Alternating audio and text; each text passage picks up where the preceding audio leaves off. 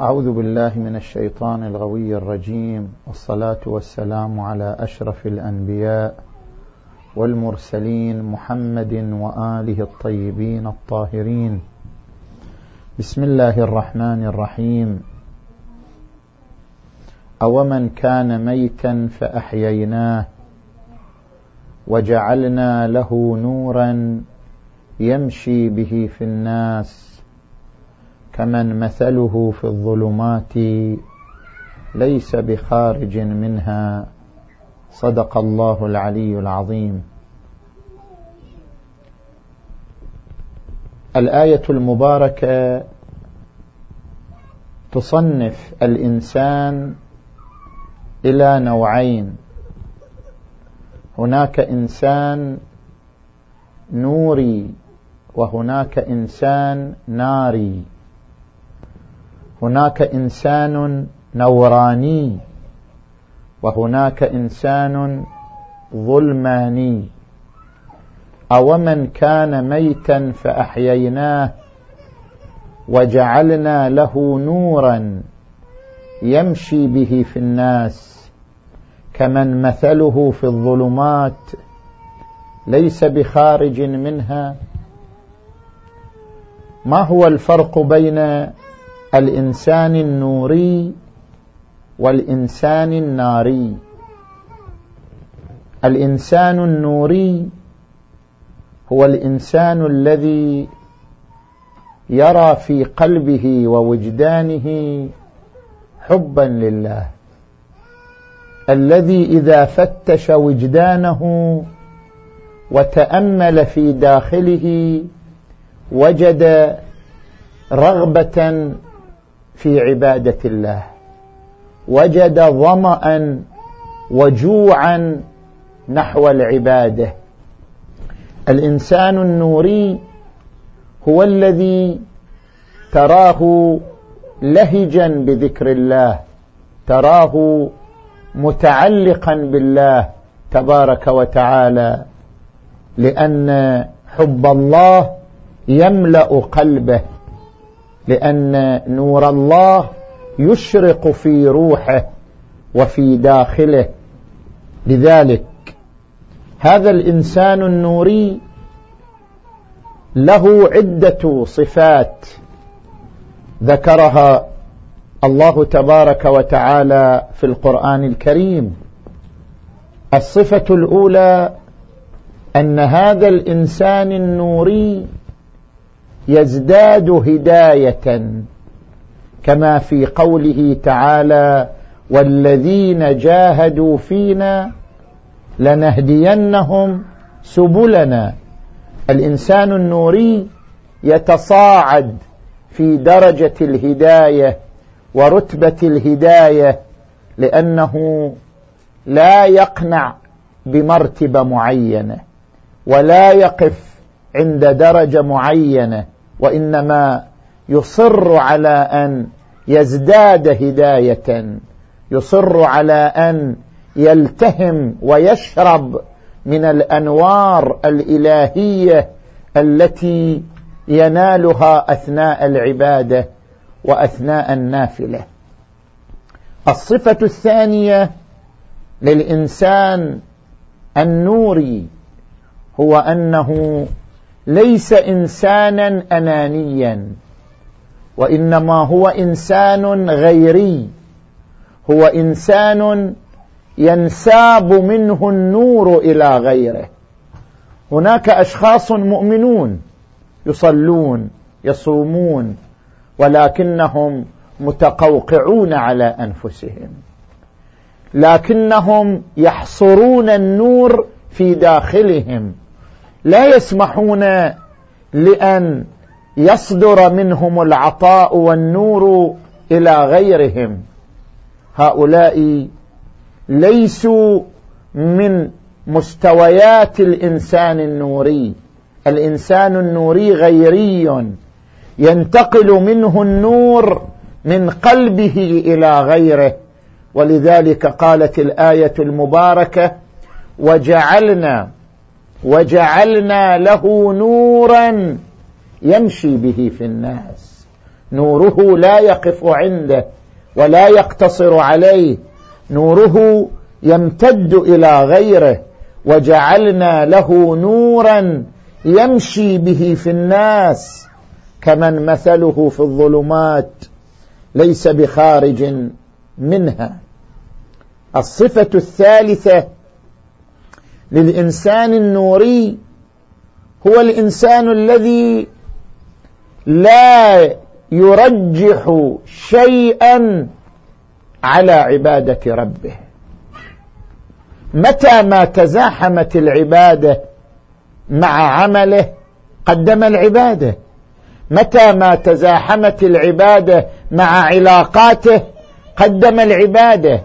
متى ما تزاحمت العبادة مع معيشته قدم العبادة لأن حب الله أشغله عن كل حب آخر. حب العمل حب الوظيفة حب المعاش حب الأصدقاء حب الدنيا بأسرها. شغله حب الله عن كل ذلك. ويقول القرآن الكريم ومن الناس من يتخذ من دون الله أندادا يحبونهم كحب الله. هو لا هم لا يعبدون غير الله. هم ليسوا مشركين لكنهم يحبون غير الله كحب الله. يحب عمله وظيفته دراسته كحب الله. والذين آمنوا أشد حبا لله. المؤمن هو الذي شغله حب الله عن أي حب آخر. شغله حب الله عن أي توجه آخر. هذا هو الإنسان النوري. الإنسان النوري الذي دائما يترقى في درجات الهداية ولا يقنع بدرجة معينة من الهداية. الإنسان النوري والإنسان الذي يقدم عطاءه وخيره للآخرين. الإنسان النوري هو الذي شغله حب الله عن كل عمل يزاحم عبادته. وفي المقابل هناك إنسان ناري. كمن مثله في الظلمات ليس بخارج منها. الإنسان الناري الذي يعبر عنه القرآن الكريم ومن يحلل عليه غضبي فقد هوى. هوى في الظلمات هوى في قعر الظلمات هوى ليس في الآخرة هوى وهو في الدنيا هوى في قعر الظلمات ومن يحلل عليه غضبي فقد هوى. أصبح إنسانا ناريا. القرآن الكريم يعبر عن الإنسان الناري. يا أيها الذين آمنوا قوا أنفسكم وأهليكم نارا وقودها الناس. الناس وقود النار. كيف يكون الإنسان وقودا للنار؟ لابد أن يكون الإنسان أعظم نارا من النار حتى يكون وقودا للنار. تصوروا أن الإنسان يبلغ به يبلغ به البعد عن الله أن يتحول إلى قطعة من النار بل يتحول إلى وقود النار. يصبح مصدرا للنار يصبح منبعا للنار وقودها الناس والحجارة الإنسان الناري يعطي النار من ناريته لأنه قطعة ملتهبة من جهنم. هذا الإنسان الناري القرآن الكريم يشير إلى صفاته عندما يقول القرآن الكريم فمن يرد الله أن يهديه يشرح صدره للإسلام. ومن يرد أن يضله يجعل صدره ضيقا حرجا كأنما يصعد في السماء. ما معنى ضيق حرج؟ يعني قاسي لا يقبل على العبادة. يمارس العبادة وكأنها صخرة ثقيلة على ظهره. يمارس النافلة وكأنها صخرة ثقيلة ليس في قلبه انفتاح على العبادة ليس في قلبه انفتاح على الدعاء ليس في قلبه انفتاح على قراءة القرآن إنه يعيش جفافا جفافا مسحرا إنه يعيش قسوة مخيمة على قلبه ووجدانه. هذه القسوة وهذا الجفاف عبر عنه القرآن الكريم بأنه ضيق ضيق. ومن يرد أن يضله يجعل صدره ضيقا حرجا كأنما يصعد في السماء. الإنسان الذي يصعد الفضاء من دون أكسجين هل يستطيع أن يرقى؟ يضيق صدره عن التنفس. القران يقول هذا البعيد عني يعيش قسوة تضيق صدره وقلبه. هو منفتح على الدنيا منفتح على علاقاته الاجتماعية منفتح على عمله إلا في عبادة ربه فإنه يضيق بها ذرعا. تثقل عليه صدره ضيقا حرجا كأنما يصعد في السماء. الصفة الأولى من صفات الإنسان الناري أنه يعيش جفافا روحيا. الصفة الثانية من صفات هذا الإنسان أنه بعيد عن ذكر الله. عز وجل. يقول القرآن الكريم نسوا الله فنسيهم. هذا نسي ذكر الله. والدليل على أنه نسي ذكر الله أنه يقترف المعصية ولا يندم. الإنسان الذي يقترف المعصية من دون أن يندم من دون أن يتحسر من دون أن يتأذى. هذا نسي ذكر الله. لو كان ذكر الله حاضرا في قلبه لما اقترف المعصية. ولو افترضنا أنه غلبته الشهوة فاقترف المعصية على الأقل يندم. على الأقل يتأسف. على الأقل يتحسر. لكنه لا يندم ولا يتحسر. نسوا الله فنسيهم هذا الإنسان الذي نسي الله يعيش يعيش نارية في قلبه. لذلك ورد عن النبي صلى الله عليه وآله من سرته حسنته وساءته سيئته فهو مؤمن. الذي يسر إذا صلى ويتأذى إذا فعل المعصية. هذا مؤمن. هذا يعيش ذكر الله. أما الذي يصلي وهو يعاني ثقلا من الصلاة وإذا عصى لم يبال بالمعصية هذا لم يذق طعم الحقيقي للإيمان. الإنسان الناري هو الإنسان الذي لا يفكر إلا في نفسه ولا يفكر إلا في مصلحته ولا يفكر إلا في ذاته. هذا الإنسان الناري وهذا الإنسان النوري. ونحن إذا أردنا أن نتحول إلى إنسان نوري. أردنا أن نتخلص من الظلام وأن نتحلى بالنور وبالشروق. فما هي الخطوات التي نسلكها حتى نصبح نورانيين؟ نقرأ دعاء كميل عن الإمام أمير المؤمنين علي عليه السلام الذي يقول في هذا الدعاء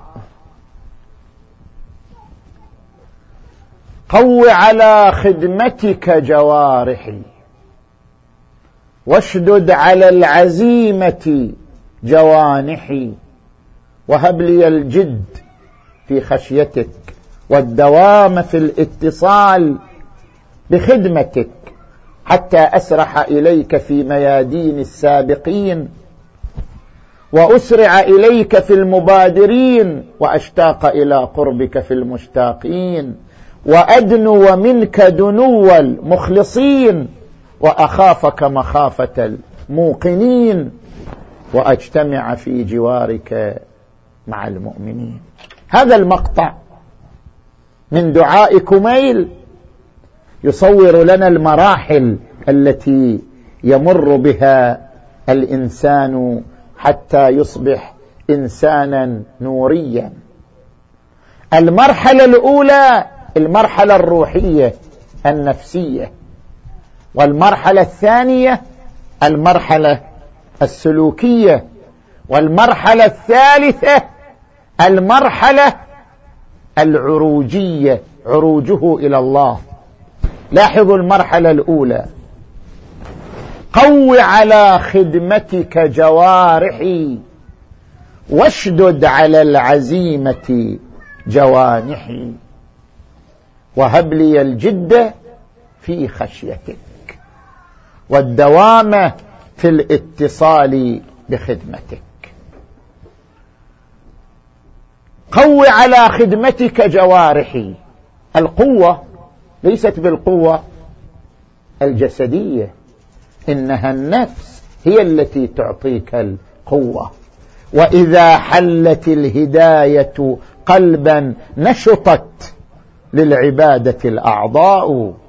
من كان يحمل من كان يحمل طاقة روحية من كان يحمل طاقة من حب الله سيصبح قويا على العبادة. مهما كان جسمه عليلا مريضا ستراه. لا يسأم ولا يمل من العبادة. قوي على خدمتك. جوارحي أعطني قوة روحية تبعثني نحو العبادة. الحسن بن علي يقول ما رأيت أعبد من أمي فاطمة. الحسن بن علي رأى أباه أمير المؤمنين لكنه يقول ما رأيت أعبد من أمي فاطمة كانت إذا قامت إلى صلاتها لا تنفتل حتى تتورم قدماها من طول الوقوف بين يدي ربها. القوة الروحية هي التي تعطي القوة البدنية. قو على خدمتك جوارحي واشدد على العزيمة جوانحي. أنا أحتاج إلى عزم شديد. أحتاج إلى إرادة صامدة. لاحظوا الإنسان في أيام الشتاء في ليالي الشتاء في ظلام الليل هو نائم مرتاح يريد أن يسترخي ينتظره العمل مبكرا أو تنتظره الدراسة مبكرا. كيف يمتلك العزيمة أن يقوم ويترك النوم ويقف في المحراب ليصلي إلى ربه؟ إنه يحتاج إلى عزيمة شديدة. لا يكفي عزيمة بدرجة ضئيلة بل يحتاج إلى عزيمة بدرجة قوية.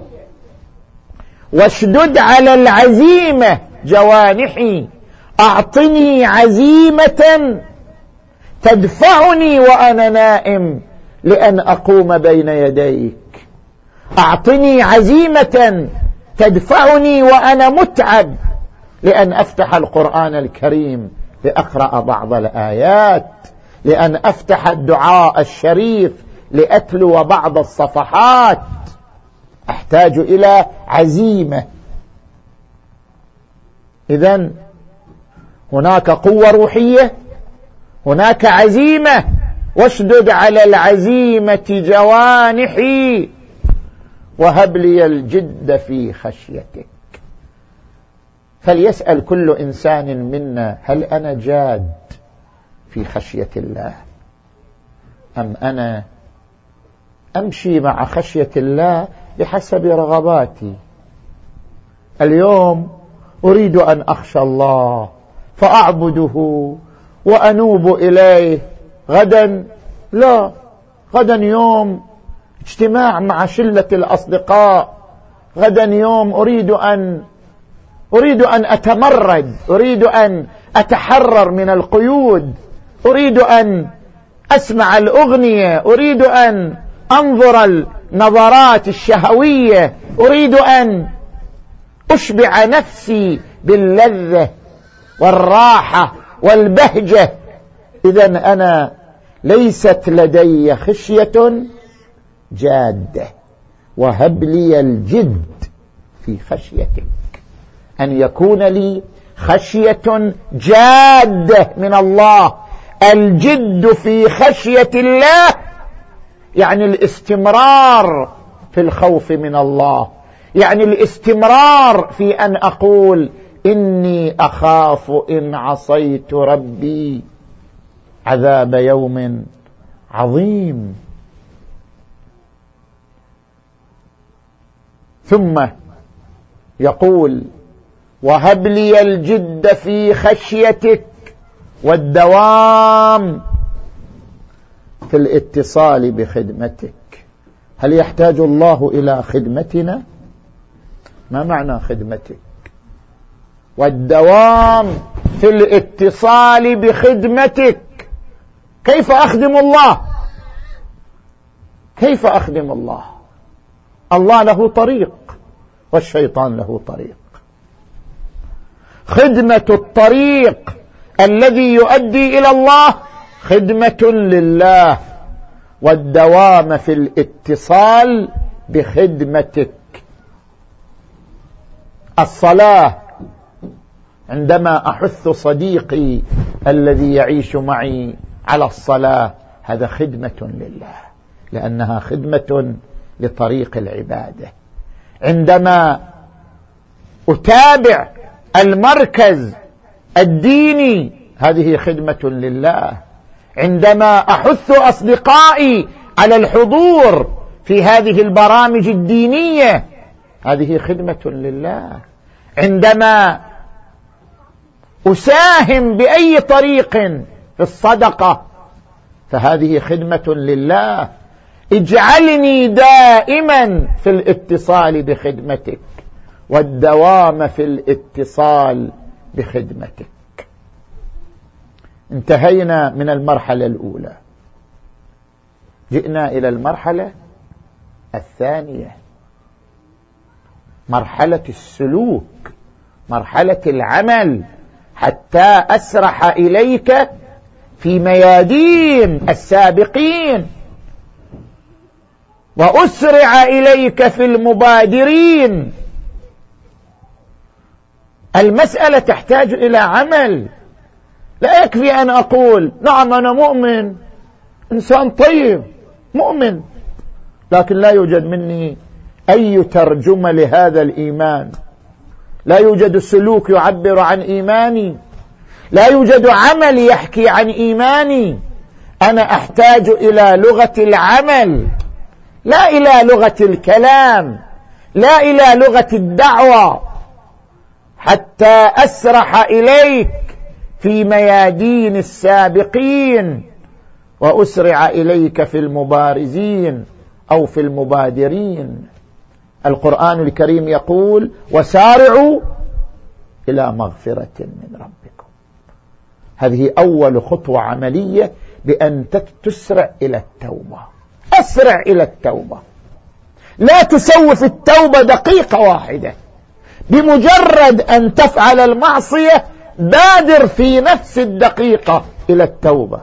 بمجرد أن تلتفت أنك تلوثت ثيابك بالمعصية تلوثت روحك بالرذيلة وقع الوسخ وسخ الذنب وسخ المعصية وقع على بدنك وقع على قلبك بادر إلى التنظيف.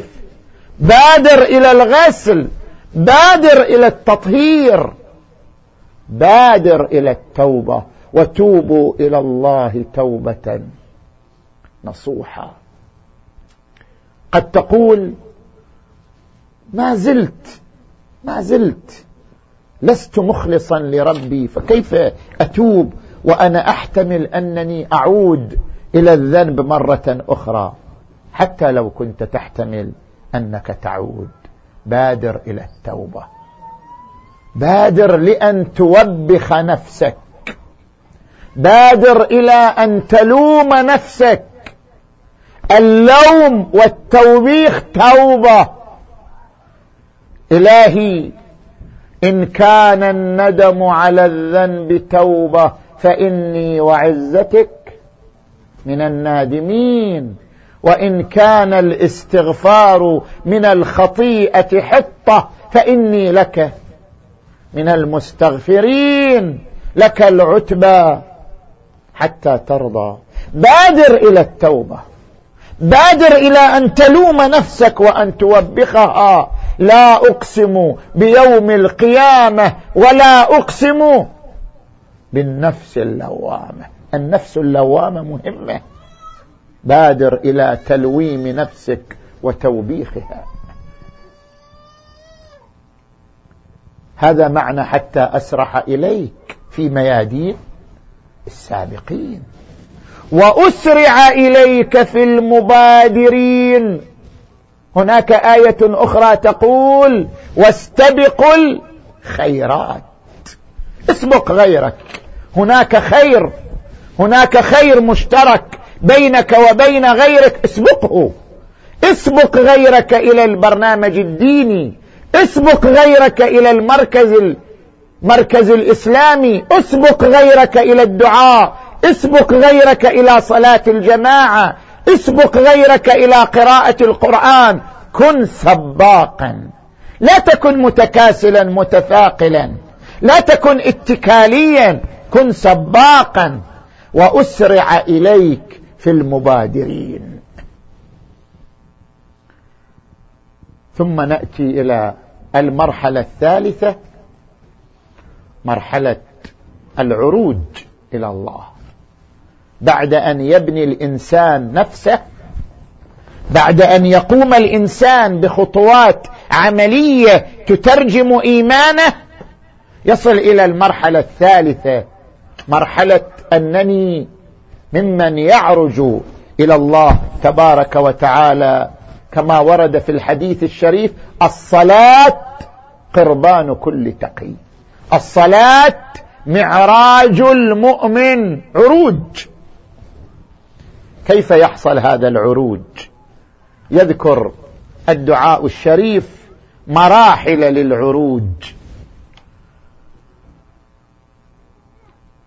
وأسرع إليك في المبادرين. المرحلة الأولى وأشتاق إلى قربك في المشتاقين. هي مرحلة الشوق. هل لدينا شوق إلى العبادة؟ هل لدينا شوق إلى الدعاء؟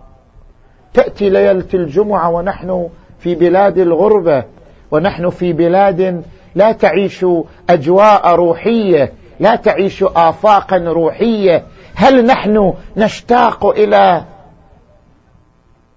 دعاء يغسل ذنوبنا؟ هل نحن نشتاق إلى نافلة تطهر قلوبنا؟ المرحلة الأولى خطوة الأولى في العروج إلى الله خطوة الشوق. أشتاق إلى قربك في المشتاقين. علي بن أبي طالب. عليه السلام. يقول ركعة لي في دنياكم أحب إلي من الجنة وما فيها.